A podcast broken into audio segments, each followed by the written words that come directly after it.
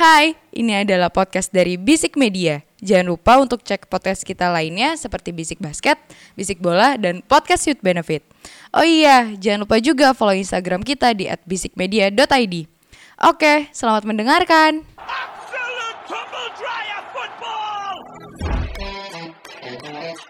Utter humiliation.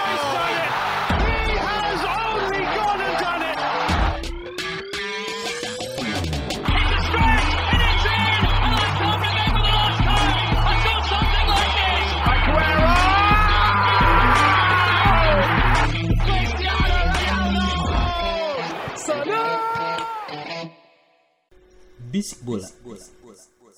Selamat datang di Bisik Bola, sebuah podcast sepak bola yang terlalu baik. Lah. Kita bahas secara, Situ yang tiga periode. tapi Lalala for Gubernur Jawa Barat. Hah, coba? Lalala for Gubernur Jawa Barat. siapa tuh lalalanya? Iya, iya. Eh, Putih kita ya? mau kasih berita duka dulu Eh, untuk kenapa? salah satu caster kita hari ini berhalangan hadir. Eh. Duka Semoga lagi. tenang ya. ya, semoga eh, wanitanya dapetnya yang bagus ya, sama Oh. yang murah harganya. Oh, Jangan. Lima kali gak dapet dapet susah. Oke, eh, Saya a- jual Viagra. eh, eh, anjing. apa apa mereknya, Bu? Mereknya sama kayak vaksin. AstraZeneca kan? Anjing. Baru opening bangsat. 1000 miligram ya? Enggak gua ambil 50. Lanjut. Eh, Oke, akhirnya Liga Inggris kembali setelah eh, rehat dua gila minggu, sih, yes. abis itu kepotong pemakaman Ratu Elizabeth. Betul. ada jeda eh, internasional, ada apa banget. Nations Nations League ya? Ya. Nations League. Nations League yang Italia sepertinya karena nganggur terlihat jago di Iya, Nations betul. League. Seperti seperti itu ya katanya ya. Dan eh, lawan di finalnya degradasi. Apa siapa? degradasi, Oh iya iya iya betul betul Liga betul betul Liga B. Pelatih lo jelek sih. Apa? Kenapa? Pelatihnya jelek. Bagus. Bagus. nah, ini udah bisa jadi topik nih sebenarnya Bagus, nih. bagus. Tapi gue ngerasa eh, apa? eh, Gareth Southgate menganak-tirikan Manchester United di sini. Dan Liverpool. Enggak sih, gua gua ya lanjut lanjut lah, nanti aja Lagi lah. gini loh, lu penyerang gue lagi bagus dua, nggak dibawa. Hmm, Yang dibawa malah pemain cadangan dua, ada yang gue lupa siapa ngegolin apa ngumpan ya? Umpan. Gol. Eh, Gol. ya? Gol kan? Gol. Gol ya. Malah dia dibawa. Seakan-akan ini menyatakan bahwa eh, ah lu nggak bisa ini pemain lu anjing ya agak sakit hati juga sih sebenarnya. Ya, kalau buat MU sih gua gua setuju sih Ngentot karena anjing. yang lagi on fire kan Rashford ya sama Iya. Sancho ya. Dan Sancho. Eh, Yang di ball Luxio sama si kapten 80 juta itu. Harry Meiji. Harry Maguire. Harry Maguire. Harry Maguire Harry habis itu Maguire. fail anjing. Cedera lo dia. Ada catatan. Harry Maguire di pertandingan melawan Jerman sebenarnya ya. Eh, mungkin udah keseringan lawan kayak Havertz apa gimana nggak ngerti. Banyak banget positioning yang salah dan decision making yang salah. Gue catat ada satu momen di mana ini nggak gol sih sebenarnya. Cuma memperlihatkan bagaimana so- so- eh, kebodohan seorang Harry Maguire gitu loh. Akhirnya dia menjadi bodoh di timnas ya. Iya akhirnya bodoh. yang emang ya sooner or later akan kelihatan gitu kan. Anjing. Ada momen di mana si Kai Havertz apa ya kalau nggak salah Kai Havertz lagi megang bola. Kemudian dia dribbling ke depan. Itu posisi bola tuh di depan nggak di depan eh, garis penalti, Oke. di depan kotak lah ya. Ah. Nah, backline yang Inggris itu mau empat. Empat, Oke. empat backline lagi lagi rata, tiba-tiba si Havertz ya passing ke pemain depannya Maguire Nah, dan Maguire itu komit ke depan. Meninggalkan lobang di tengah. tengah. Karena kan empat satunya maju kan bolong dong. Ah. Orang kan kalau misalnya mau maju kan perhitungan perhitungan ya. Ini gue bakal dapet apa enggak sih? Ya. Apakah gue harus stay sama runnernya kah atau gue ngejar sama orang yang dipasinya kah? Ah. Gua kalau jadi defender gue akan stay sama runner. Karena itu bola-bola tipikal tipikal bola one two. Oke. One two kalau di WE gitu kan. Dibalikin lagi bolanya. satu. ah. Dibalikin lagi. Bukan one, one two. One two. Kalau di WE ya. Iya, dibalikin lagi bolanya kosong dong. Shooting lah di situ Kyle Havertz. Cuma kebetulan emang nggak gol aja. Kan yang golin yang nendang Havertz kan. Iya betul. Walaupun dia kemarin bikin gol gak sih? Lupa. Bikin gol ya, setahu gue. League saya nggak nonton. bikin gol kalau nggak Ah, salah. tapi tapi eh, kalau kita ngelihat skuadnya sendiri, ya ini mungkin bisa jadi skuad percobaan ya karena nggak mungkin juga. Ka- Kayaknya menurut gue skuad ini dibawa buat ke Piala Dunia. Sepakat. Karena ma- masih masih banyak pemain Inggris yang sebenarnya lagi oke, cuma Banyak. emang nggak ada di line up ini. Bahkan ya bahkan seorang Fikayo Tomori yang Ah, iya benar. harusnya ya mengisi pos itu gua nggak tahu nih apakah ada hukumnya ketika dipanggil timnas itu wajib datang atau klub punya hak untuk menahan. Apakah seperti Liga Indonesia? Satu tim itu hanya boleh dua yang berangkat atau memang ada hak buat klub untuk menolak? Karena kalau melihat nomor yang gak dipanggil itu agak pertanyaan. Satu, Betul. karena ya eh, mungkin mungkin ya saat ini back terbaik untuk timnas Inggris yang menemani Johnston mungkin ya Tomori yang yang yang yang yang lagi naik daun lah Ya. ya kan seperti itu Mungkin aku kedua gua kan lupa nih tipikal Johnson ini juga kayaknya stopper deh maksudnya tipikal itu yang berdiri Ya. eh, ngejaga backline kan Iya. dan Maguire setahu gue juga bukan bukan seorang runner bukan seorang yang pengejar gitu loh Ya.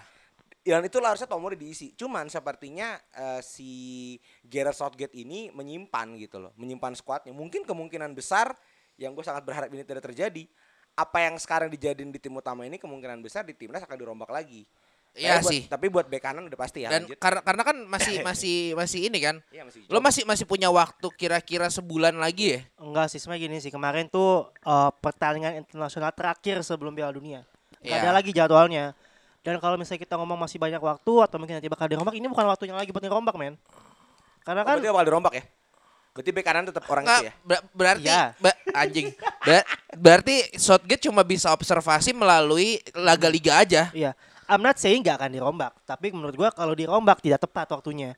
Karena chemistry pemain kan nggak cepat, apalagi lo Iya. kalau tim sepertinya kan banyak klub ya nggak main di Inggris doang gitu, banyak klub gitu. Ya mungkin gak setengahnya, mungkin satu dua pemain kali Iya, Jul. Ya Megi, Megi pasti dibuang. Maksudnya Megi, Maguire pasti gak akan di Feeling gue dibawa mau.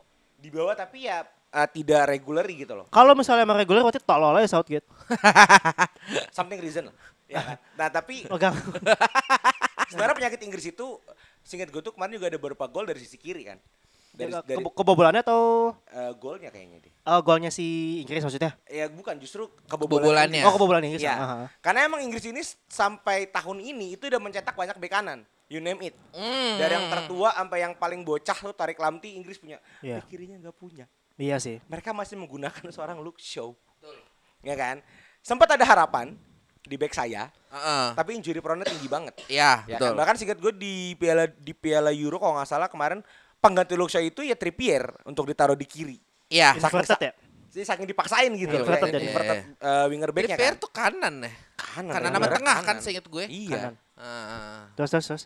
RBCB gitu kan. Nah, terus kedua kenapa Sancho dan Rashford itu nggak dipakai? Eh, ini Ya, baru, kalau baru kalau Rashfordnya gue bisa tahu lah dia b- baru habis cedera. ya. Oke. Dan ini baru sampai GW8 gitu loh. Iya. Eh, GW8 Inggris lah. Bahkan bersihnya GW6 bahkan mungkin. Bersihnya GW6 ya. ya kan bersihnya GW6 dua minggu kan nggak main mungkin Southgate belum percaya kedua skemanya belum belum belum didapetin gitu loh sama Southgate ya kan apalagi seorang Rashford dan Sancho Belum bisa nemuin Yes. yang ya dia dimainkan seperti apa di MU bisa nggak diaplikasikan di eh, timnas berarti ya. dan khawatir anak itu dia menggunakan striker yang false nine sedangkan di Inggris ya kali Ya, potensi ya, seorang ya, Harry ya. Kane jadi false nine Benar, dia benar, tidak benar. sepengalaman Firmino gitu kan Ya. Iya benar. Instead Iya. dia malah pakai Sterling kan, Iya. yang di mana udah terbiasa Eh. melayani Melay- striker, striker, ya, ya, striker ya, ya, utama betul, mungkin betul. ya. Karena saya agak takut kalau Sancho masuk kan otomatis Raheem Sterling nggak dipakai ya kan. Itu sih jadi analisis gembel gue sih kayak Iya, gitu. iya, Tapi iya. gue percaya Inggris akan coming home di eh, Qatar 2022 ini. Waduh. Um, Dua dua turnamen sebelumnya gue masih coming home sih, cuma kayak buat Buat tahun ini enggak? kayaknya enggak deh. Enggak, karena Karena gue percaya deh eh, sayang banget ya Jamal Musiala dia pindah ke Mega negara ke Jerman ya. Ah, kan itu dulu Iya, Inggris iya. bareng Bellingham. Tapi entah kenapa gue percaya sih eh, untuk coming home gitu Hmm. loh. Kan ini tahun terakhir Harry Kane. coming home maksudnya pulang aja kan, pulang, pulang aja nggak bawa piala kan? Gak apa piala Pulang kan? dong. Tribute to Queen. Dan nanti November akan pertama kali menggunakan lagu God Save the King. God God Save the Save the King. King. Kemarin pas eh, Piala Dunia masih God Save the Queen. Masih, Oh. masih. oke. Itu Liverpool Piala masih- Dunia apa ya? Eh, Nation League masih, Masih, God Save the Queen. Udah dong, udah, udah berubah dong. Udah kan? berubah dong. Mungkin Udah. di turnamen resmi ya. Turnamen resmi. Turnamen resmi. Ha. Ya kalau gue sih gini ya, Southgate itu em, dua turnamen terakhir gue bilang emang Inggris melajunya jauh. Cuma satu Apalagi di Euro. ya, tapi ketolong lawan juga sebenarnya. Sebenarnya kalau kata kalau menurut gue karena gak spesial-spesial banget kok. Dikalah di Piala Dunia itu Kroasia, ya. Kroasia. Lawannya Kolombia Tiga, lawan tiga satu apa dua satu sih waktu itu? dua satu. Dua satu. Kalau nggak salah dibalikin. Oke. gitu. ah. Eh, secara permainan bukan my type of football karena agak pragmatis Southgate emang emang tidak bukan attacking football gitu kan. Dan emang sayang gitu komposisi pemain Inggris yang menurut gue lagi lumayan lah ya buat buat bawa ke Piala Dunia itu udah bagus banget. Kalau lo main seperti itu menurut gue agak sayang aja sebenarnya, agak sayang. Eh, banyak pemain-pemain yang kalau kita ngeliat eh, waktu kemarin international break terakhir ya ada beberapa pemain yang nggak masuk dan mungkin memang benar kata Imo emang emang skema permainannya emang nggak dibutuhkan sama si Southgate cuma Southgate ini kan miskin taktik kayak mantan pelatih saya. kita I love Tuchel. kembali harus ingat Southgate berangkatnya dari mana sih sebenarnya dari Mi- pelatih kan. Middlesbrough bro. Middlesbrough, Middlesbrough. Dia Ah. sempat latih Leicester loh. Asisten pelatih. Leicester loh Iya, Bukan juara top. 2016. Hah? Juara 2016. 15 15 dong. 15 eh 16 Jul, 16 dong, 16, Chelsea 16. juara. iya, sorry 16. Anda kan juga juara baru emang satu. tuh ada Southgate gak ada kan Enggak, maksudnya asisten pelatih. Sih, belum, emang- belum. Southgate Iya. sebelumnya lagi. iya kan ya udah gak ngaruh emang emang aneh aja appointmentnya dia cuma Iya, iya, iya. ya Agus sebagai fans Real lain siapa pengennya jauh sih cuma kalau feeling gua kayaknya enggak sih ada beberapa tim lain yang lebih mumpuni menurut gua tapi itu nantilah buat pembahasan kita Piala Dunia. Piala Dunia Tunggu, tapi gue mau nanya, kecewa nggak sama performa Nick Pop di Nation League ini? Eh, agak sih ya karena Gue agak kecewa sih. Agak ya. karena di Agak Karena, eh, agak gede masalahnya kalahnya. Dan orang ini kan menggeser Eh sorry Pickford. kalahnya, Iya. kebobolannya. Orang sorry. ini kan menggeser Pickford kan. Setelah Johar era kegelapan Johar ya kan. harapan baru yang terbuang ke Torino.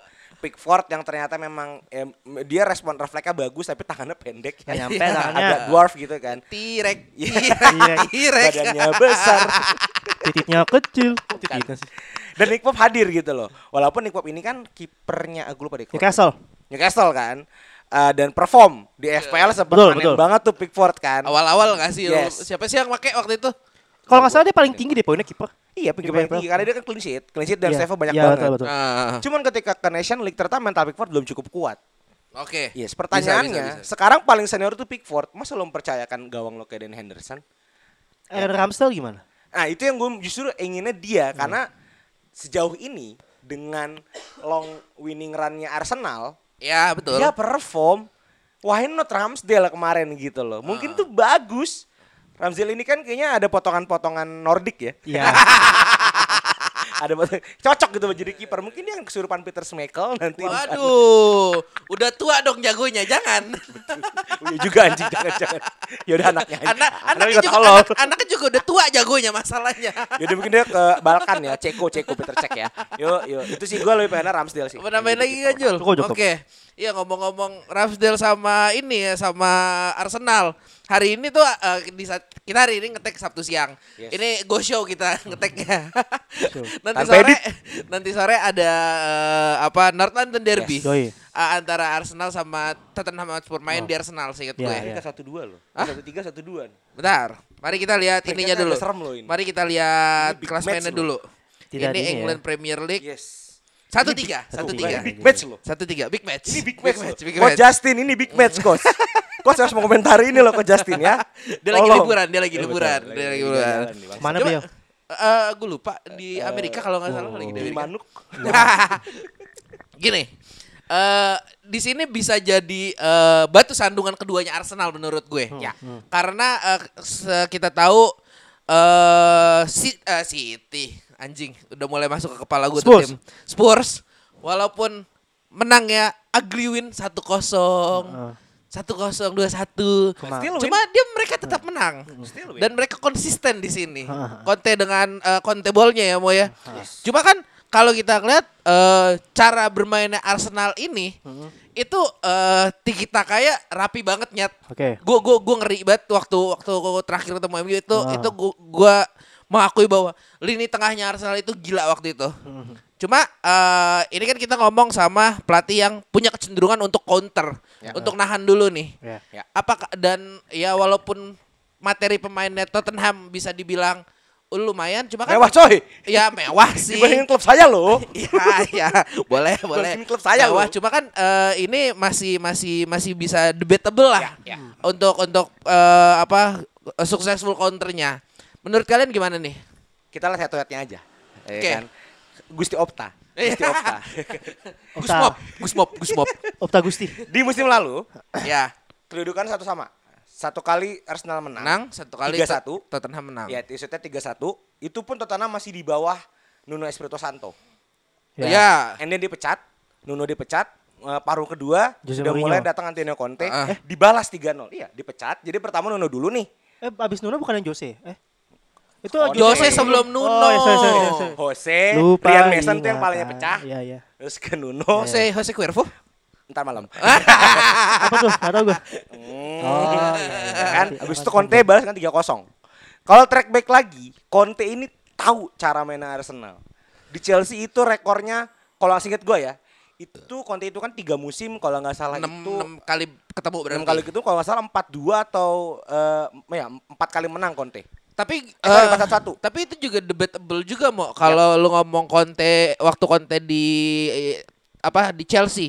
Karena eh, dua tahun yang lalu itu Ars- eh, Arsenal itu masih Tolol. ya masih masih si Kike bukan sih Ya, Masih tolol lah intinya. tiga tahun lalu berarti ya hitungannya ya Barca dong, Bang. eh Kike si ini siapa Apa sih pelatihnya? Anjing, pelatihnya sebelum sebelum ini Arteta. sebelum Arteta Unai. Oh, Unai Unai, Unai Emery. Unai Emery. Mr. Good Evening. Yes, Mr. Good Mr. Evening. Good Evening Dan terus bahkan sempat ngalamin Wenger. ah nah terus abis itu eh, baru Arteta tuh berarti di akhir-akhir Conte Ya, akhir-akhir Conte. awal-awal Arteta masuk yang mana kita tahu juga bahwa Arteta waktu di eh, pertama masuk Go. ke Arsenal juga tidak bisa dikatakan baik timnya gitu loh.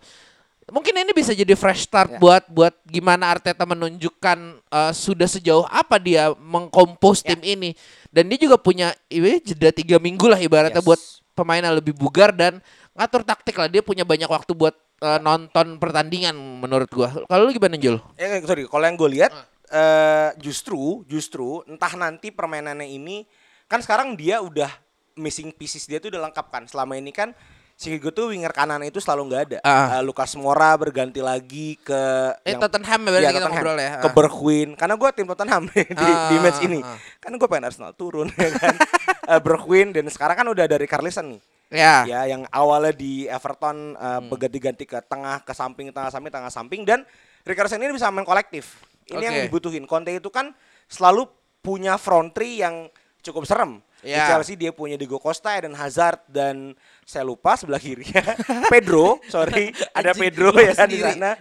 Terus ketika di Inter dia ada Lotaro, ada Lukaku, uh, Perisic sempat dan ada sempat ada Erikson di sana. Oke. Dan ketika sekarang di Arsenal di Tottenham ya udah ada Rika, ada Kane. ada Haji Kane, Belakangnya Belakang itu ada tarik ada Perisic, Hoiberg. Kulusevski.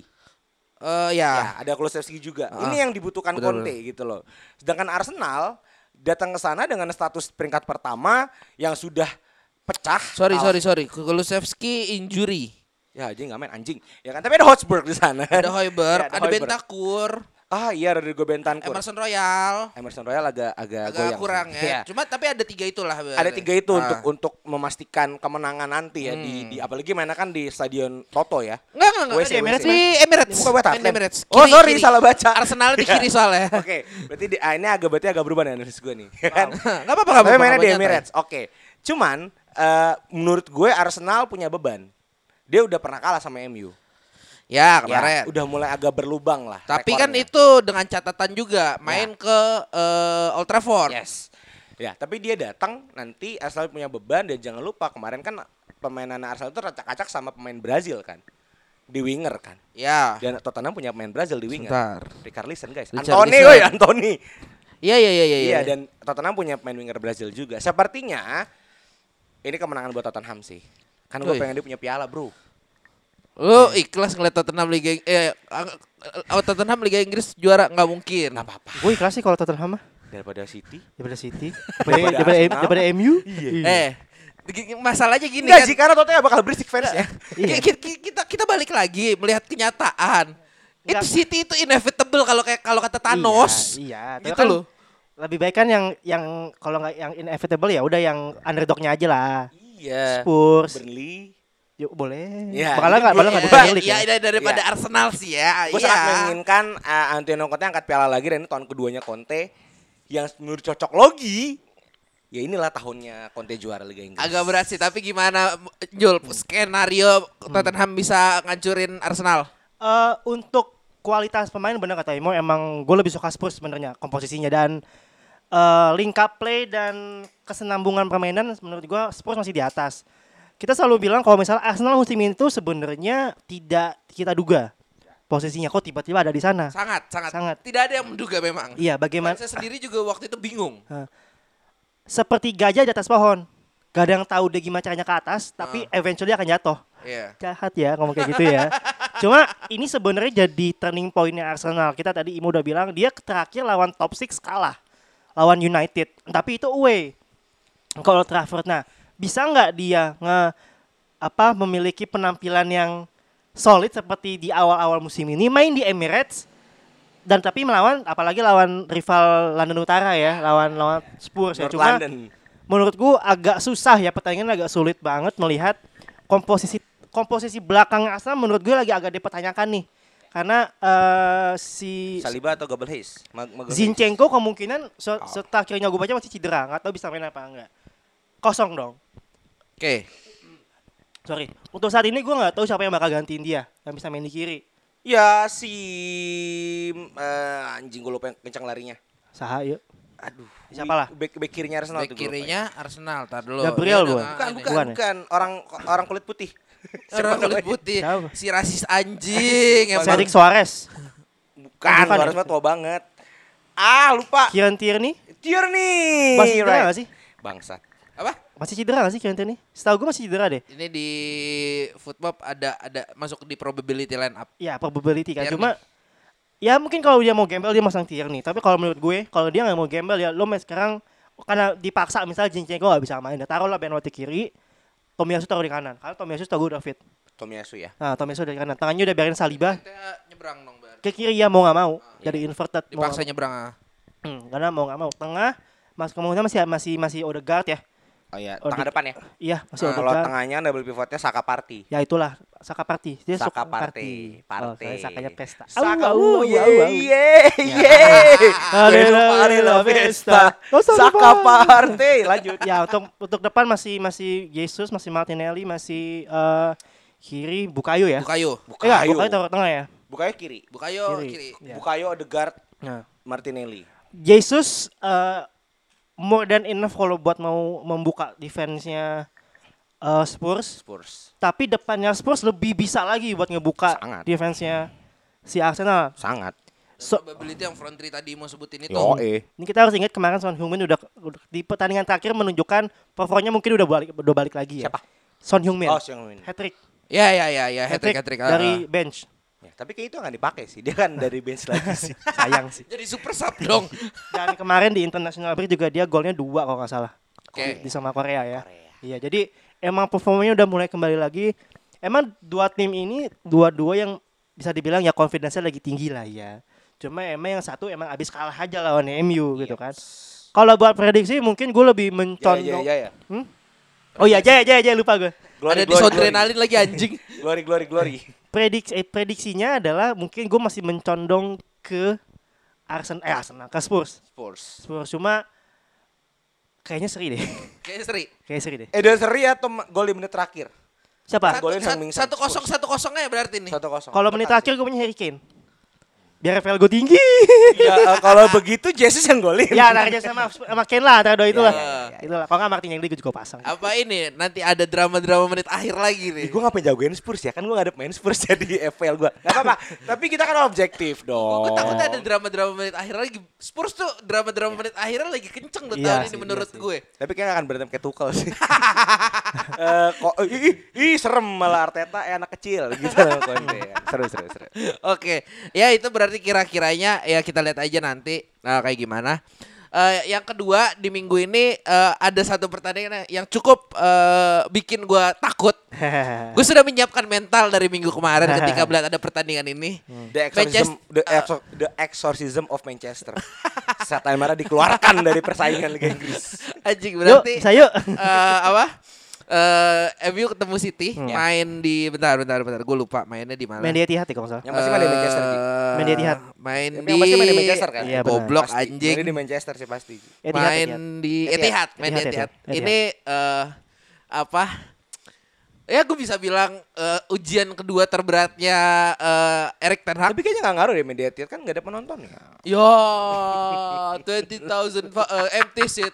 Are you kidding me? Oke, eh apa tapi tetap tetap gue ya seperti kita tahu City City sedang menjadi eh, sorotan dengan link up dari De Bruyne yang udah bisa buang bola ke mana aja karena Double blondie. karena strikernya bisa ngambil bola dari mana aja. Eh, di sini eh, yang akan menjadi highlight mungkin kalau dari MU-nya sendiri eh, selain gimana Ten Hag memutuskan link up itu adalah menutup eh ininya menutup KDB. bukan enggak gue nggak mau menut- Oh. menutup KDB Ada yang berat. Le- lebih lebih concern menutup halannya sih sebenarnya. Siapa yang akan diassign buat untuk hal Martinez. Martinez sudah pasti. Gua cuma eh, ada. ini cuma ya apa eh, kita kita kalau ngeliat fisik lagi Martinez tuh kecil kecil banget. Paling sebahunya Halan yang yang bisa dilakukan Martinez adalah bermain pintar dengan memutus aliran bola ketika datangnya. Sepakat. bukan eh, ngejegal ya hitungannya. terus juga di sini eh, mungkin eh, apa kiri tuh si ini siapa? Anjing. Dalo. Eh. Kiri bukan Eh, udah Oh. bukan Luke Shaw Malaysia. Malaysia. Malaysia di sini yang yang yang mungkin bisa bisa apa bisa ngerusak eh, positioningnya dan gue nggak tahu sini eh, lini tengah gue di MF-nya berarti nanti yang main McTominay sama Casemiro. Casemiro ini bisa nggak nahan KDB-nya nih di sini nih. Oke. Ini yang yang akan menjadi eh, apa pertanyaan dan lini depannya sih eh, selama tidak ada Cristiano Ronaldo, gue optimis. Itu aja sih kalau buat kalau PR buat lini depannya. Karena kan eh apa Rashford udah balik, Jadon Sancho bisa main.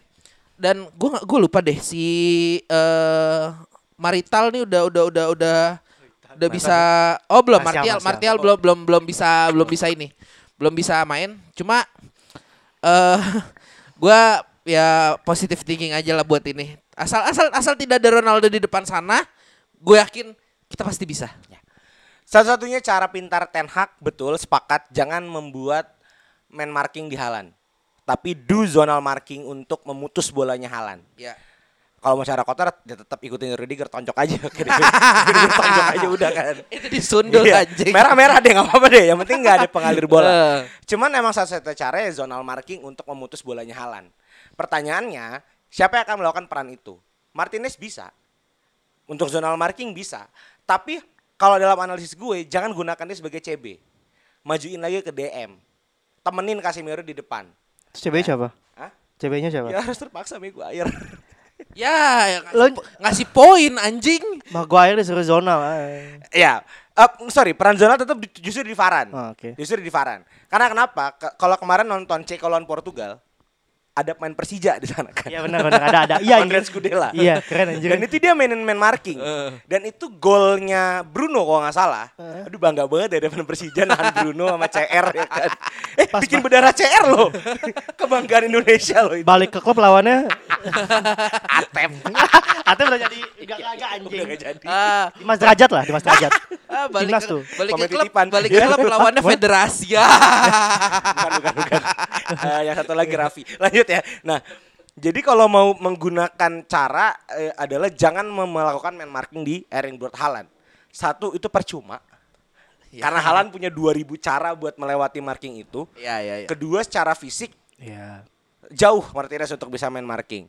Nah, tapi tapi mungkin cara sedikit menjebol City kayaknya di beberapa match lawan tim tim itu City sempat kepleset kan.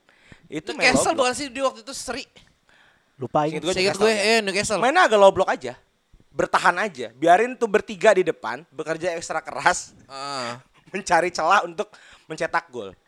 Ya kan? Karena seinget gue City kayaknya pertahanannya nggak terlalu firm dia sekarang. Eh, Laporte sa- eh sorry. Ruben Dias sama John Stone ya sekarang utamanya. Seinget gue deh.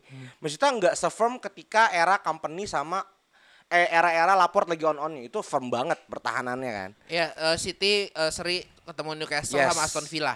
Nah, dua tim itu. Ah, Aston Villa gue agak nonton sih karena kan gue ngeliat Leon Bailey nyetak gol dan akhirnya ngasih poin ke FPL.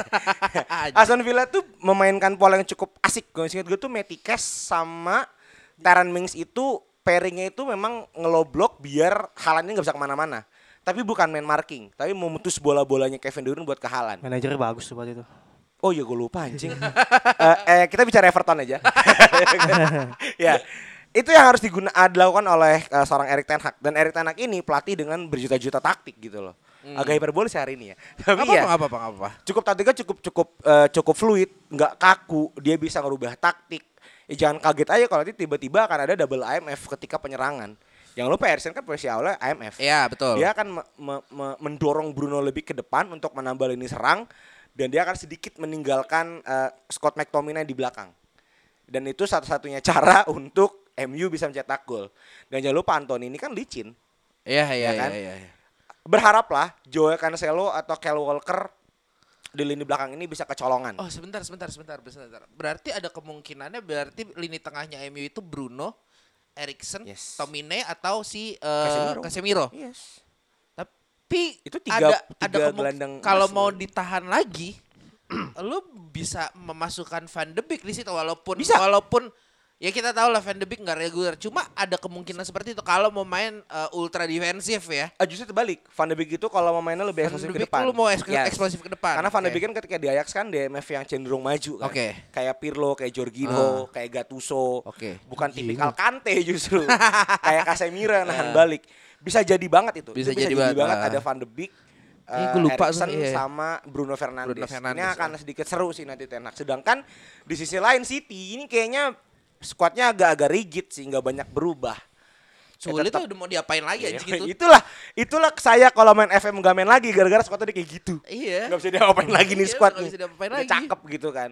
Tapi itu juga akan jadi bumerang buat City kalau nggak ada perubahan. Tapi once Iya. again Guardiola dengan keahliannya mengontrol locker room, ah ya babak kedua akan lebih seru daripada babak pertama gue yakin sih. iya sih Akan tapi tapi gini. Kecuali udah nyet apa walaupun udah nyetak gol MU ya. Serem tapi sih. tapi gini eh, yang menjadi eh, apa garis bawah mungkin kalau eh, Imo tadi bilang eh, Garis kalau dua. eh garis bawah garis oh, bawah maaf.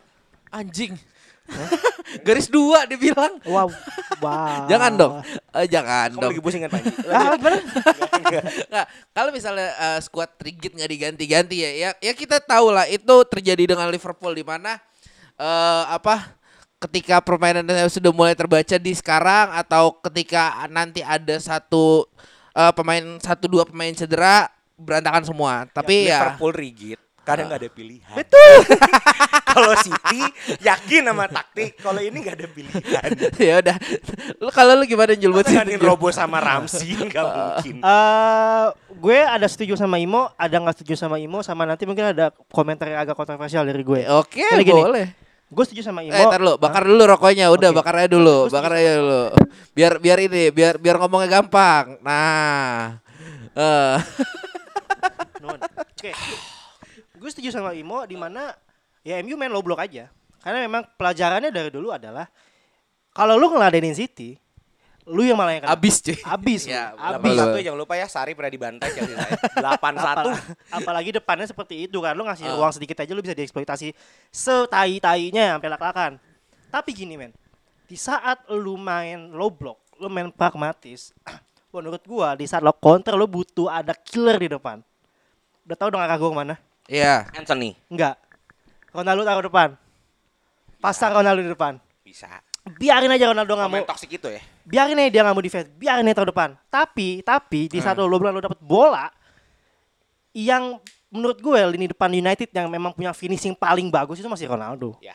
Dan menurut gue melawan City satu dua kesempatan itu harus bener-bener di capitalize. Yes. Ah, itu harus banget. Main di Etihad lagi. Ya, gue gue gue setuju nih. Iya. Ya. Gue gue baru teringat bahwa Rashford itu walaupun sudah mulai membaik tidak bisa finishing. Ya, itu ya, thank dia. you, thank you, thank itu you, thank you. Itulah kenapa gue dari dulu nggak suka Rashford di tengah. Gue suka jadi samping. Mendingan di samping kan, Di samping. nge-create space atau buang bola ngasih. Iya, lari lah, dribbling lah, passing lah ke siapa Okto lah. Okto Maniani lah. Enggak Okto sih, Okto enggak bisa finishing soalnya. Harusnya masih bisa.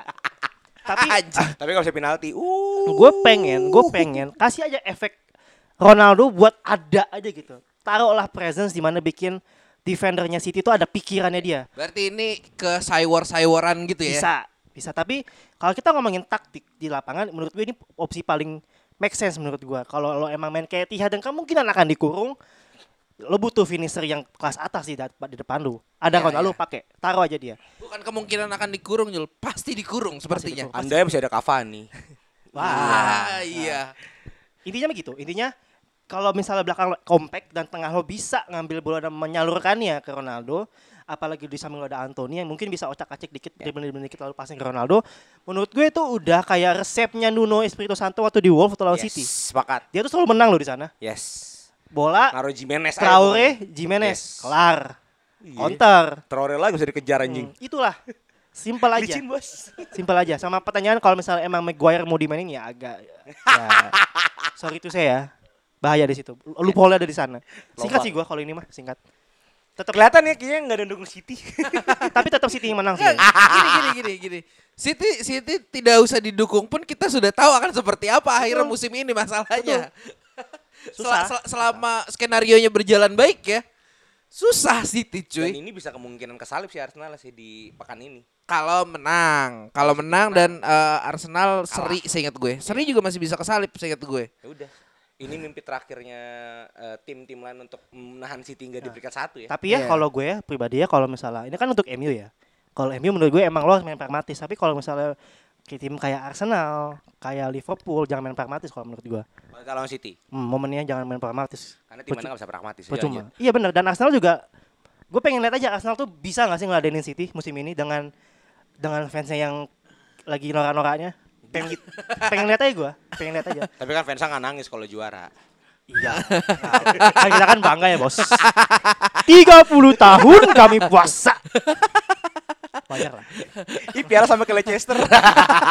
Iya anjing ke Blackburn, ya kan? Blackburn dulu, Leicester dulu anjing. Ini apa eh apa eh, tapi kalau waktu Arsenal ngomong-ngomong Arsenal juara ya kita eh Arsenal juara. Liverpool juara tetap kita harus berterima kasih pada Watford. ya. Kalau Watford tidak menang waktu itu Anda bisa dapat piala emas waktu itu. Oh iya anjing bangsat. Maksudnya kami yang berterima kasih. Yang yang Tapi juga dia harus makasih sama Chelsea. Kami kan City ya City. gitu. Itu sih sooner or later udah pasti juara. Dan kami juga ber City berterima kasih sama kami di 2013. Karena kami menahan, eh mengalahkan Anda, City yang juara. Oh, iya benar. Kapten lu tolol itu loh. Eh enggak tapi tapi tapi correct me orang. Angelo yang waktu abis kalah lawan Watford itu Liverpool sih itu ada kalahnya lagi deh setelah itu. ya itu loh Bang. Lawan City kalah. Ah, mak- makanya mulai dari situ ya lobangnya waktu itu Ya ya. udah mau ya udah mau udah mau juara juga itu mah. Iya. Itu kalahnya pas ini sih kalau yang lawan City kalah tuh udah udah udah Udah udah Covid udah fix bukan sih? Udah fix Udah. juara. Iya, Ah, udah udah habis- fix sih kayak. Udah fix, Abis- udah fix. Abis Covid langsung kalah kan. Emang lu juara jalur Covid. Ji. Anjir. Gua kan menang-menangnya sebelum Covid. Ayo. itu ya iya benar kalau City setelah setelah setelah udah juara kan dapat ini God of Honor. Yang Bernardo Oh, Silva iya, nggak mau nggak mau tepuk tangan si anjing itu. Siapa mau Uh. tepuk tangan? Bernardo Silva Ya emang salah toxic sih. Memang Emang main-main Portugal toxic semua anjing. kecuali Jota. Iya. Ih, gua gak ada main Portugal untung. Gak ada ya? Lagi gak ada ya? Tapi ngomongin kontroversi gitu sebenarnya kita juga ada satu kontroversi juga nih. Gue baru aware eh, masalah ini eh, ketika Imo ngangkat ini kemarin. Jersey. Masalah jersey iya. Jersey timnas Denmark ya kalau nggak salah ya. Di Yang mana nama merek jersey-nya mirip nama pemain. Hummels. Hummels. M-nya satu, M-nya satu. Hummels sekarang dagang. Hummels pemain M-nya dua. Tolong ya. Hamel dagang sekarang. Iya. Jadi eh, atas eh apa? eh, karena eh, kita ngomongnya quote and quote ya dirasa eh apa namanya Piala Dunia Qatar ini costly eh, menghilangkan banyak nyawa, merugikan banyak orang. Eh, Denmark dan pembuat bajunya itu tidak mau diasosiasikan ya. Yang mau. Hamel saya nggak mau diasosiasikan.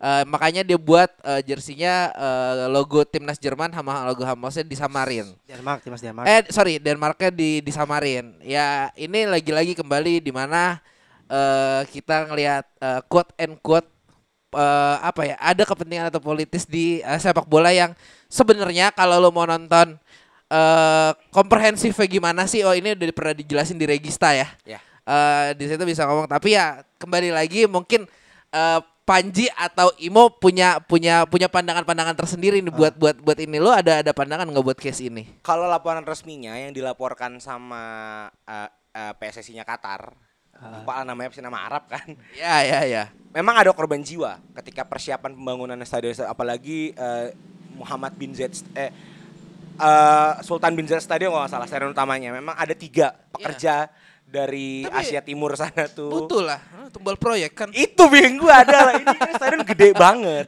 ya kan. Lu Tumbal, bikin tumbal proyeknya nggak nggak satu, tiga coy. itu tiga yang dilaporin resmi. Ini stadion kan gede Ji. Butuh tiang-tiang manusia kan nggak nih bisa dar banget sih. Ya tapi kalau secara kalau secara eh, penglihatannya ya, ya Eropa. Gue sebenarnya ada di pihak yang bahwa ya, laporan Qatar ini yang benar. Justru, ya gue tidak menganggap bahwa j- eh, laporan analisis jurnalis yang lupa dari Jerman atau dari Prancis itu mengatakan ada ratusan ribu pekerja meninggal dan bekerja di bawah Underpaid lah ya. underpaid ya kan dan overwork juga itu benar gitu loh. Satu eh, labor ayo jadi ke hukum nih tapi labor law-nya Eropa dengan labor law-nya Qatar atau Asia, Asia kan pasti berbeda gitu loh. Ya kan? Kedua ya ini proyek besar gitu loh. Eh, wajar lah. Wajar bukan wajar lah maksudnya memang sangat tidak baik kalau ada kecelakaan kerja tapi kan sepertinya dibantu loh gitu sama Qatar. Kedua ya jangan campur adukan politik sama sepak bola gitu loh sebagai klub fans terdampak ya.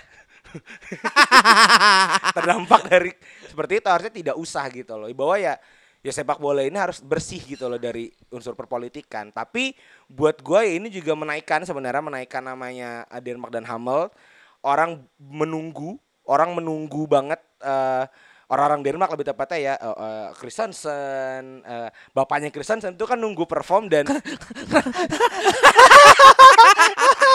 nunggu nunggu eh, bahwa ini Erikson masih ada. masih hidup ya? Astagfirullahaladzim ya Allah. Niklas Banner mas Tapi ya. gue gak tahu masih masih masih main di Masih, timnas masih, apa enggak. masih dipanggil. Braithwaite ya kan? Ini tunggu-tunggu ba- bahwa ya memang secara umum jersey-nya sebenarnya jadinya unik kan? Warnanya warnanya polos. Eh, kalau yang di baju merah lambangnya juga merah Ya. yang di baju putih lambangnya putih. Tapi ya harusnya ini ada sanksi sih untuk Hamel atau untuk Denmark karena dia mengiyakan campaign ini Kalau lo Jul? sekalian aja kalau gitu negara-negara Arab pakai Free Palestine kan di Iya, di- bisa, bisa. Kita mungkin kasih parameter dulu ya. Kita membahasnya eh, move-nya Hamels kepada Qatar. Jangan melebar dulu ke yang lain-lain ya. Menurut gue dengan apa yang mereka percaya beda ya isi parameter guys apa yang mereka percayai menurut gue udah benar. Kalau misalnya mereka mempercayai bahwa bahwasanya di Qatar memang ada visi report sebanyak yang mati, banyak yang meninggal sorry. Dan pekerja dikasih dengan tidak layak, wajar mereka seperti itu. Ya. Tuh, cuma kan kembali kita sebagai itu negara-negara Nordic Skandinavia ya? Ya ya yang daerah- tingkat apa ya, kepuasan bisa dibilang ya tinggi. sisi sisi barat lah ya ibarat kata yang emang liberal segala macam. Kapitalis. Enggak. Gitu. Cuma kembali tadi kita nggak tahu nih reportnya yang mana yang benar gimana kita menanggapinya dengan baik aja gitu kan Ya. tapi memang kalau menurut gue sendiri pribadi memang ada gini loh Piala Dunia Qatar ini sebenarnya dicorengi karena histori negaranya ya Ya, dan histori betul. budaya di daerah itu ya Ya. banyaklah kegiatan-kegiatan yang quote unquote agak mencurigakan lah ya itulah kenapa berangkat ada oh nih begini nih oh nih begitu nih wajar menurut gua bahkan sampai blatter di sawer duit kan gara-gara Iya memang Bidding ini. ya karena memang Tadi sawer duit, bus ditimpuk sepatu. Iya. ya karena memang gimana ya kalau kita melihat dari sisi eh, eh, geografis segala macam udah nggak ideal banget naro ya. Piala Dunia di sana gitu kan. Gerah. Ya akhirnya ditaruh di November kan pada akhirnya kan. Ya cuma kalau kita menyoroti gimana Hamas dengan eh, reaksi mereka ke Piala Dunia ya menurutku itu udah wajar banget. Itu ber- ini sih move iya apa movement campaign aja sih. Movement bener apa? sih, bener sih. Ada marketing marketing. ada sisi Ah. marketingnya, ada sisi marketingnya. Iya. Cuma gini, Ntar marketingnya gue yang jelasin. cuma pada akhirnya gini, kita kan hanya melihat eh, sisi ini aja ya. sebagai fans layar kaca Dua dua sisi doang ya. Cuma sebenarnya kalau kita mau parameter mau dilebarin lagi, sebenarnya eh, orang-orang ini bisa dibilang ya agak agak hipokrit juga gitu kan. Kenapa nggak yang lainnya lo angkat juga, kenapa nggak lo angkat gitu kan? Yes. Tapi kalau parameternya kita lebarin, ya gitu kan. Kita kita lingkupnya dulu nih, kita bicarakan dulu nih. Ah. Kalau misalnya lingkupnya dile- dilebarkan ya tadi gue bilang, lo hipokrit namanya kayak gini. Ah. Ya dong. Iya, iya. Karena kasus gak di situ doang dong. Ya, ya enggak. betul. itu sih kalau gue enggak simpel. Menurut gue kalau emang di situ aja ya udah wajar lah ya. Marketing juga sih. benar. Nah, tapi kalau kalau kita ngomong marketing ya, marketing wise ini adalah eh, sebuah keputusan yang bagus buat dari Hamels. Oke. Karena dia bisa eh, manfaatin sebuah isu yang emang benar-benar isunya kita ngomong di tempatnya dia ya. Hmm. Eh, itu memang menjadi salah satu sorotan. Hmm. Eh, apa eh, kesetaraan lah let's say kita kita sebut seperti itu kesetaraan dan well-beingnya Aji feminis sekarang enggak dong Oh, ya, lanjut. Tadi ini hak hak human in general kita ngomong oke. Ya Berarti harus setara semua ya. iya d- berarti dan, Aji pegiat ham. Enggak. Iya saya saya suka makan ham tapi. Oh, ya, oke, siap. Hmm.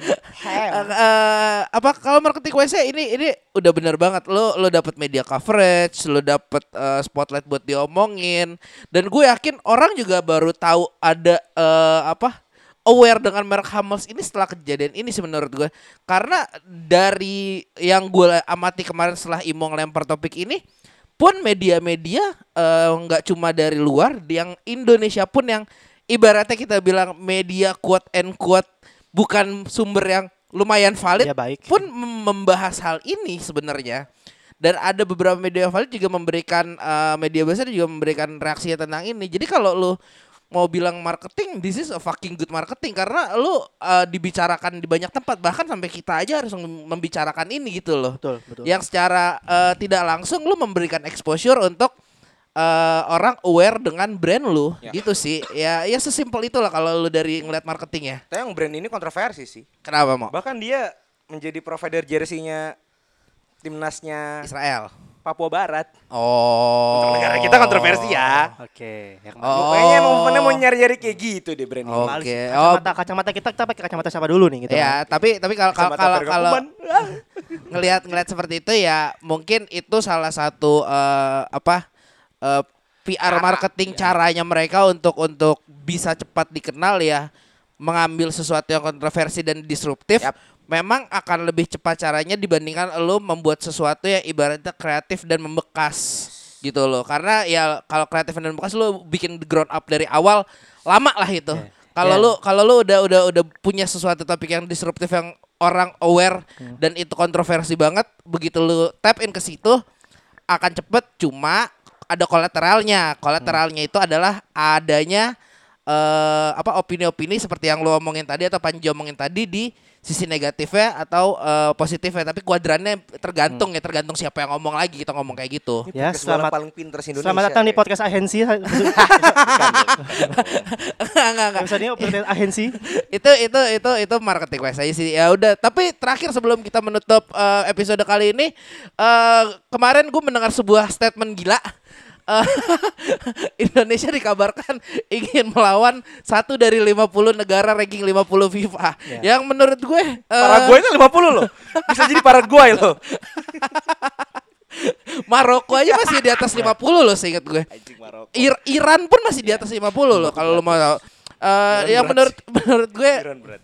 Ah, lu lu oke bo- boleh kayak gitu cuma mau lu kalau mau lawan negara 50 itu lu cari yang di Asia. Korsel. Ya ngapain Sinta Sintayong ini ngelatih ini bekas-bekasnya lagi. Nggak, menurut gua lu, lu sangat-sangat wise ketika lu mencari yang di Asia karena menurut gua mungkin skillnya masih bisa di, di, di, disejajarkan Eh, atau lu masih bisa ngimbangin. Ket- Ketika lu ketemu dengan Eropa atau Amerika Selatan atau Afrika, menurut gua itu akan susah dan kemungkinan dibantainya tinggi karena Hmm. kalau kita ngomong Eropa sama eh, apa Afrika. Amerika Selatan dulu nih. Lu di technicality bermainnya kalah. Sementara ketika lu menantang tim Afrika, lu akan kalah di eh, fisiknya. Itu sih menurut gue se- semudah itu. Jadi yang paling gampang lu samain dulu standarnya dengan standar paling tinggi di Asia. Asia whole Asia ya. Baru lu melangkah ke Eropa, Amerika Selatan atau Afrika sih. Kiper kita aja sama back tengah kita kalah tinggi. Oh iya benar. Ah iya anjing. Sama Elkan ya, sama. El- Elkan ya, Elkan bagus ya. Kipernya pendek banget. Kalau gue gini sih, dengan eh, klaim mas eh, klaim, klaim asuransi lagi, klaim PSSI, Ada apa sih? klaim PSSI mau menantang ke Papua. Baru ditawarin lah, Kagak. baru ditawarin. Kemarin ada perpanjang asuransi soalnya. Eh apa? Klaim Indonesia mau menantang tim 50 peringkat 50 FIFA ya, peringkat 50 FIFA ke atas menurut gue ini euforia sesaat aja. Bener kata Aji tidak tepat sebenarnya. Cuma kalau Aji lebih ke yang Asia ya. Kalau gue gini, cari lawan yang peringkat FIFA-nya sama kayak Curaçao di sekitaran-sekitaran situ. 80-an. Hah? Mainnya jangan di Indonesia. Iya. Gue pengen dia away dulu. Gue nggak yakin tuh Indonesia lawan Curaçao kalau away ke sana bisa menang. Gue nggak yakin. Karena kita menang ke menang lapangan, menang cuaca. Walaupun sebenarnya Curaçao juga panas juga ya. menang menang lapangan maksudnya eh, dalam artian karena lapangan kita busuk, Ya. Kurasaunya mainnya jelek jadinya gitu. Ya kan banyak lah faktor lah ya, banyak. Alah, banyak mau ngomong faktor. itu aja kan lu anjing. Gue pengen eh, Indonesia away dulu aja. Kalau misalnya kita ngomongin Asia ya, Asia tadi Aji bilang jangan away ke Asia Tenggara. Pergilah ke Asia Timur, Gue setuju, gue setuju. ah. entah ke mana away. Pokoknya jangan lawan tim luar tapi main Indonesia. Percuma menurut gua. Oh ya, paling paling gampang ya menurut gue. Lu lu coba lawan Korea Selatan atau Jepang Atau Australia. eh, atau Australia, lu main ke sana di saat winter. Wah, itu Ah, mati sih. Itu mati sih. Masuk Itu- angin Itu terlalu cepat sih kalau gua. Coba coba aja dulu lu main ya kalau main summer boleh lah. Cuma, cuma kalau lu mau bilang lu jago, lu main di sana winter. Oh gini aja, jangan, jangan, jangan, jangan lawan Korea Selatan deh. Cari negara yang iklimnya sama, tapi di bawah. Oke. Coba dulu. Gue gue intinya sih away dulu sih. Gue pengen nyoba me- karena gini, gue jarang banget ngeliat Indonesia main away di luar Asia Tenggara menang. Jarang banget. Pasti dibantai dan kalah. Coba aja ke, ke Asia Timur deh ada ada ada apa ya? Hong Kong kayak cobain. Kalau kalau enggak ini aja, cobain aja lagi ke Kurasau. Boleh cobain ke ke Arabia Kurasau sana. aja lagi tapi main di sana away ya. Away, gue mau jamin away. Di tes Setuju, dulu mental setuju, lo. setuju. Fatigue lo diuji, fisik segala macem, jauh jarak makanan segala macam diuji kan. Oke. Kalau gue sih statementnya gini, eh, paling logis, sebenarnya paling logis itu movementnya entah kalau mau main nekat ya ke Qatar, Ya. uji coba lapangan, Ah. ya kan, eh, Jepang, atau paling logis sebenarnya paling murah itu ke Australia. Ah. Secara kontur wilayah sama kayak Eropa, fisik pemainnya campuran, lu makan tuh bule sama Samoa kan, lu makan tuh orang Samoa tuh ya kan, badan-badan rugby. Cuman kalau bicara eh gue setuju sama Panji karena ya salah satu inspirasi dalam kita berpandai sepak bola Coach Justin itu ketika membuat tim futsal itu dia tur ke Iran Iya, Ran. Ah. dan main di sana. Iran itu waktu itu peringkat satu futsal, hampir detik ini masih peringkat satu futsal. Dan itu memang dari turnya nggak ada yang menang, tapi mental mainnya terasa. Betul. Mungkin kalau ini bukan euforia, ini caranya eh, Iwan Forejen, Iwan Bule, ya kan? Untuk Jawa Barat. Iwan Turis, betul. Jawa Barat satu karena RK mau ke Jakarta. Lanjut ya. Ah, Iya. Ya, jangan- yang mau Jakarta, ke mana, mau? Jakarta mau ke Merde- Badan Merdeka situ ya? Iya betul. Wah. kan udah selesai masa jabatan. Lanjut ya. Ya, itu Ah, itu caranya untuk menaikkan menta mentalitasnya. Kedua adalah ini cara menjual pemain-pemain Indonesia buat dilirik Betul. sama tim-tim luar sana. Lo pertama Arhan bisa diambil uh, Jepang iya. bukan untuk marketing wise, Iya, ya kan? iya, Harus iya, di bold ya. Iya. Bukan untuk penjualan akun IG-nya biar followersnya tinggi, Fuck, ya man. kan? Seperti uh, lah hal Apa? gedang sih. Eh. lanjut ya kan? EGV. nah itu bisa. Maksudnya itu logis.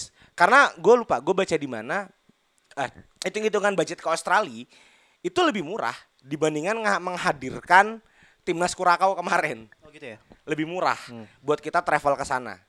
Kedua, Australia nggak dapat potongan komisi dong. ya itu, ya kan. Aduh, siapa tadi yang ngomong? Ah, tadi orang lewat. Cuman kalau bicara eh, eh, kesiapan fisik pemain-pemain kita ke luar negeri, gua dengar podcast di Sport 77 itu ada Yanto Basna. Yanto Basna ini mungkin lu udah lupa. Ini pemain yang Defender udah- kan ya? Defender. Iya. Dia udah nggak main di tim di Indonesia. Di Thailand kan karena ya? di- Hah? Di Thailand kan? Karena Thailand dan dia mau tahu ke Jepang. Oh gitu. Tapi di Liga 3, ih di bawahnya Arhan, ya kan? Liga 3 Jepang. Karena dia bilang memang tantangan terbesar kita dan kenapa Andik waktu itu tidak mengambil Sporting Lisbon atau Ben atau Porto, gue lupa. Takut dingin. Sepakat. Karena Gembel. dingin itu mengganggu fisik. Kita dibesarkan di tropis, bahkan jangankan kita deh, jangan kita deh. Pemain-pemain dari Afrika itu walaupun wi- winternya tidak salju ya, tapi ketika ketemu salju itu ada perubahan fisik di diri mereka. Dan ini tantangannya timnas Indonesia sebenarnya. Ya kan, entah mungkin TC-nya bisa pindah dulu, bisa ke Dieng, bisa ke Malang, ya yang buat dingin lah untuk membiasakan badan karena kan sel darah kita beda kan sama orang bule gitu loh. Iya. Jadi ya logik apa yang paling logis lu bisa tur, turnya lama seperti tim-tim Garuda Select waktu itu, tapi itu butuh sponsor, banyak lah yang mau sponsorin. Perusahaan saya mau kok. Ya lanjut ya kan buat sponsorin dan biasakan eh, lebih lama daripada cuma tes satu bulan. Kembalikan lagi program-program kayak Primavera Indonesia atau yang di Uruguay waktu itu. Karena Oke. itu mencetak pemain-pemain cukup bagus sih. Itu sih. untuk timnas muda apa buat yang senior? buat senior aja nggak apa-apa. Susah sih waktu. Iya karena ada liga, klub kan. Ada liga. Ada klub itu ah. sih. TC cukup panjang. Itu sih Susah. feeling gue untuk untuk bisa men- merangkat kan targetnya ke peringkat seratusan kan. Di bawah 100 eh, di atas 100 kan. Bisa aja. Di atas 100 ya Iya, di atas targetnya. 100. Lu butuh agak, 50. a- agak-agak serem ya sebenarnya kalau lu Iya. ngomong targetnya di atas 100 itu eh, menurut gua ya realistis cuma ya 10 15 tahun lagi sih nggak nggak nggak nggak bisa 2 3 tahun cuy. kan dia harus ngejar restoran buat pilkada Ji. Tapi kalau ngomongin timnas, kita juga harus ngomongin gaya permainan dong di Oh lapangan. iya dong, iya. ya. Gue tuh suka banget udah ada strikernya sekarang. Dimas ada Adi. dua pemain Dimas Adi Ah, sama ini nih, Rafi. ini nih ya, yang yang gua buta nih dari dari uh, timnas Indonesia. Akhirnya Sinteyong menemukan striker yang cocok walaupun salah satunya isunya pengen titipan ya. Oke. Kita nggak tahu. Oke. Muhammad Rafi ini. Cuman Dari mana sih dia? Muhammad Rafi itu Ya, persebaya nggak ya salah. kalau kalaupun titipan juga nggak heran Indonesia namanya. Sinteyong kamu kan. Tapi yang gue sangat tidak suka adalah PSSI mendeklar, mengannounce bahwa akan perpanjang Sinteyong itu di publik. Oh iya betul. Buat beberapa pandit itu sangat tidak etis. Betul. Itu hanya untuk mencari euforia aja. Sinteyong bagus. Tapi kalau terlalu panjang, ya Anda mau seperti V- Gareth M- Southgate. MU ditinggalin Vergi. ya kan kayak gitu sih. Ya sih. Se- sejauh ini permainan kita enak dilihat ya. Ya, Berbeda ber- kolektif. kolektif. Berbedalah dengan Simon McManamy ya. Hmm, Mana? Simon McManamy. Itu mau mati PSM. eh kebiasaan long ball pun udah kurang banget karena dulu juga kebiasaan jelek kita adalah kalau udah buntu long ball. Udah pendek long ball. Pun kemarin kalau misalnya gua ada masih ada sebenarnya long ball satu dua kali, tapi yang Rapi. memberikan long ball itu rapi. Dan biasanya dari belakang ke depan itu dari Elkan. Itu kelihatan banget kualitasnya udah agak beda walaupun tidak sesempurna itu ya long ballnya ya. Cuma Birmingham bro. better lah ya bro ya kan. Eh, menurut gua kalau misalnya teman-teman sempat nge-tweet ngeliat tweet kita di Twitter kita @bisikmedia ID Ya itu. Oh, uh, activation berisik dia, dia di kita- kemarin pas- kita pas bilang-. Siapa sih adminnya anjing? kita ngomong kan sebenarnya di tim ini dua pemain yang akan selalu ada di utama di tim timnas timnas senior adalah Witan Sulaiman Yes. dan Irianto. Irianto. eh, Iriantonya winger ya? Persib. Iya, winger ya. Per, ya, dia itu kalau gue ngeliatnya dia lah kayak libero tapi modern bro. Ya, dia bisa dia dari belakang tuh bisa ngedictate play. Dia bisa ke kanan, dia bisa ke kiri, dia bisa menjadi CDM. Oh, Dan menurut gua pun- versatile ya. versatile. Dan penyeimbangnya di situ. Penyeimbangnya di situ. Dan yang gue suka adalah Witan Sulaiman itu tidak panik di depan. Kalau lo lihat gol keduanya Indonesia waktu lawan Curaçao di leg kedua, itu kalau orang stri- kayak striker pada umumnya lah ya, panikan lah. Indonesia kan strikernya agak panikan ya, Bro. Pasti di syuting. Kecuali Aliudin ya. Oh iya. Pasti di syuting. Canda Persija. Bener lagi. Pasti di syuting. Tapi si Witan masih memproses bolanya dulu. Iya. Di passing ke kanan ada kosong si siapa namanya gue lupa. Derajat. Iya, eh bukan ada pengganti. Ya nggak nonton. adalah siapalah di situ bagusnya dan kemarin Sinteyong berani mendebukan beberapa pemain di timnas ada bek kanannya kita tuh si siapalah namanya gue lupa Marcelo Ferdinand bukan? bukan ada ada orang timur lah intinya Oh iya. ada orang timur nah itu kemarin pun ada dari dari 11 main ada enam pemain yang under 21 itu keren banget menurut gue dan dan kelihatan banget sih jelas arahnya Sinteyong itu mau dibawa ke mana karena kalau lo lihat komposisi pemain Sinteyong dari awal dia menukangi tim ini Berubah sampai terus. sekarang dia ngekat satu generasi sebenarnya Ya, kalau merhatiin. Ya ya ya. Generasinya Fariusa ini U16 kemarin. Bukan- yang ini Angkatan Evan Dimas ya? Iya betul. Yes. Hansamu tidak dipanggil lagi. Yes. Eh, Raffi Murdianto nggak Raffi ada. Murdianto nggak ada. Hargianto yang gol bagus loh itu. Yes. Tidak ada. Paul Sitanggang yang gue suka banget tidak dipanggil juga. Jadi generasi itu dipotong dan langsung turun ke bawah. Yes. Ke generasinya berarti Egi. Marcelino. Egi Egi Marcelino. Marcelino, Witan. Witan itu. Dan Dan sorry, Marcelino dibawa lagi bahkan. ya Rumaki, Kambuaya Egi itu. sama Witan lah ya. Egi Witan sama ya. Witan lah ya. Dan dan memang dia mau memoles dulu nih proses dari bawah emang agak lama sebenarnya. Tapi nanti outcome-nya Ya. uh, hopefully ya bagus. Dan dia tidak ragu untuk mempromosikan tim dari Ini under angkatan Goda Select ya? Ini iya. Iya, Goda yang dibawa ke Inggris Iya, kan? yang Inggris, betul. Pelatihnya siapa? Yang ngelatih di sana si Dennis Wise, Dennis Wise. Chelsea. Ya, benar, Lanjut. Dennis Wise. itu dipoles dari bener-bener dari Yes. sekarang gitu kelihatan dan dan lebih klop aja sih sebenarnya walaupun memang masih diwarnai beberapa pemain senior ya Mark Harus, Mark harus. Locke. dan gue suka banget sama Mark Locke. Sangat. Jago sih anjing. Di, Sangat. dia versatile tapi di tengah ya Max Yes. di tengah aja dan ke mana-mana di tengah aja kemudian dengan si akan bagot nah pertanyaan gue adalah Sinteyong nanti bakal masukin ini kan nih yang kemarin habis di eh, naturalisasi Sandy Walsh sama Oh, jadi amat. Ya, itu Bisa jadi sih. agak pertanyaan sih menurut gue. Tapi kalau kita kan berarti fokusnya kan ke Piala Asia ya 2023 ya. AFC 2023. Saat ini jangan dulu sih kalau kata gue. Prepare dulu dari sekarang. Yang sekarang dulu aja di- dikuatin dulu. Lo apa nguatin eh, materi pemain yang sekarang nih berarti nih. Tapi feeling gue Jordi Amat itu akan masuk kalau Elkan Bagotnya ada masalah atau cedera. Dia defender juga ya? Defender Jordi Oh, Amat. Kalau Walsh sih, bro. wingback kan? Gue wingback deh. Ah. Kayaknya untuk gantiin Arhan atau Irianto. Irianto tadi winger ya? Enggak, di, di libero tadi gue Ya bilang. lanjut. Jadi kayaknya antara Kalau gini, ya. kalau timnas kalau fullnya menurut gue yang bagus tuh kirinya emang si uh, Arhan ya Arhan. Arhan. Arhan kanannya tetap si Asnawi. Oh iya ada Mangku Siapa Alam. tadi yang eh, lu bilang pemain ini baru? Eh Jordi Amat. Jordi Walsh sama Jor- Jordi Amat sama Sandy Jordi Walsh. Ahmad ya. Itu Amat, Amat. Amat. Jadi Islam tuh. Jordi itu Amat. Jordi Amat itu eh, setinggi Elkan Bagot. Wah, parah, Pak. Eh, emang sama. Boboknya sih. Bebeknya sama. Bagot tuh sebenarnya tuh badan gak normal buat jadi back. Iya, iya. 2 meter kan? Nggak, nggak, tapi 190, tapi tapi iya. ini ada tren yang gue lihat berubah ketika lo bikin naturalisasi pemain yang gede-gedenya di belakang. Ya. Lo tahu bahwa timnas tuh jelek ketika lo lo kena kena bola bola apa?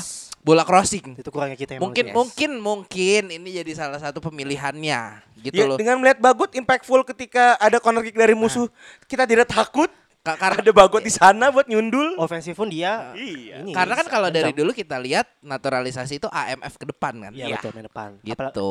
Dan Ya, gendut juga dan, dan gendut ya kalau nggak salah ya. Iya, Van Beekering itu. Iya. Wow. Bandar narkoba. Lanjut. Iya iya iya anjing. betul. Nggak sih, ya udah itu aja sih yang, yang mau gue Oh, highlight boleh dari lah. itu. Sinteyong buat 10 periode nggak apa-apa. Ya, intinya intinya untuk saat ini ag- uh, me- me- membakar lagi semangat gue ikutin Ya. timnas sih. Gak tahu Ah. kenapa ya kemarin gue tiba-tiba pengen nonton ah kerasa wah. Eh, Dan enak ya ditonton sangat ya. bahagia ketika pulang kerja lewat Bayoran bapak-bapak semuanya nonton di warung untuk timnas Betul, tuh. itu Iya, yang iya, kita itu, kangenin, itu, itu yang itu yang udah lama nggak ada ya Betul, sebenarnya. Eh AFF tuh kapan sih? AFF atau AFC? AFF Enggak tahu. Gak tahu ya. Enggak tahu. Paling paling deket Piala Asia kali ya. Saya kan ngikutinnya nanti Piala Dunia karena kan saya orang Inggris. Oke, siap. Ini ngikutinnya Piala Dunia Qatar. Goal is coming home. Ya udahlah, itu aja untuk episode kali ini. Thank you. Bye. Bye. Cinta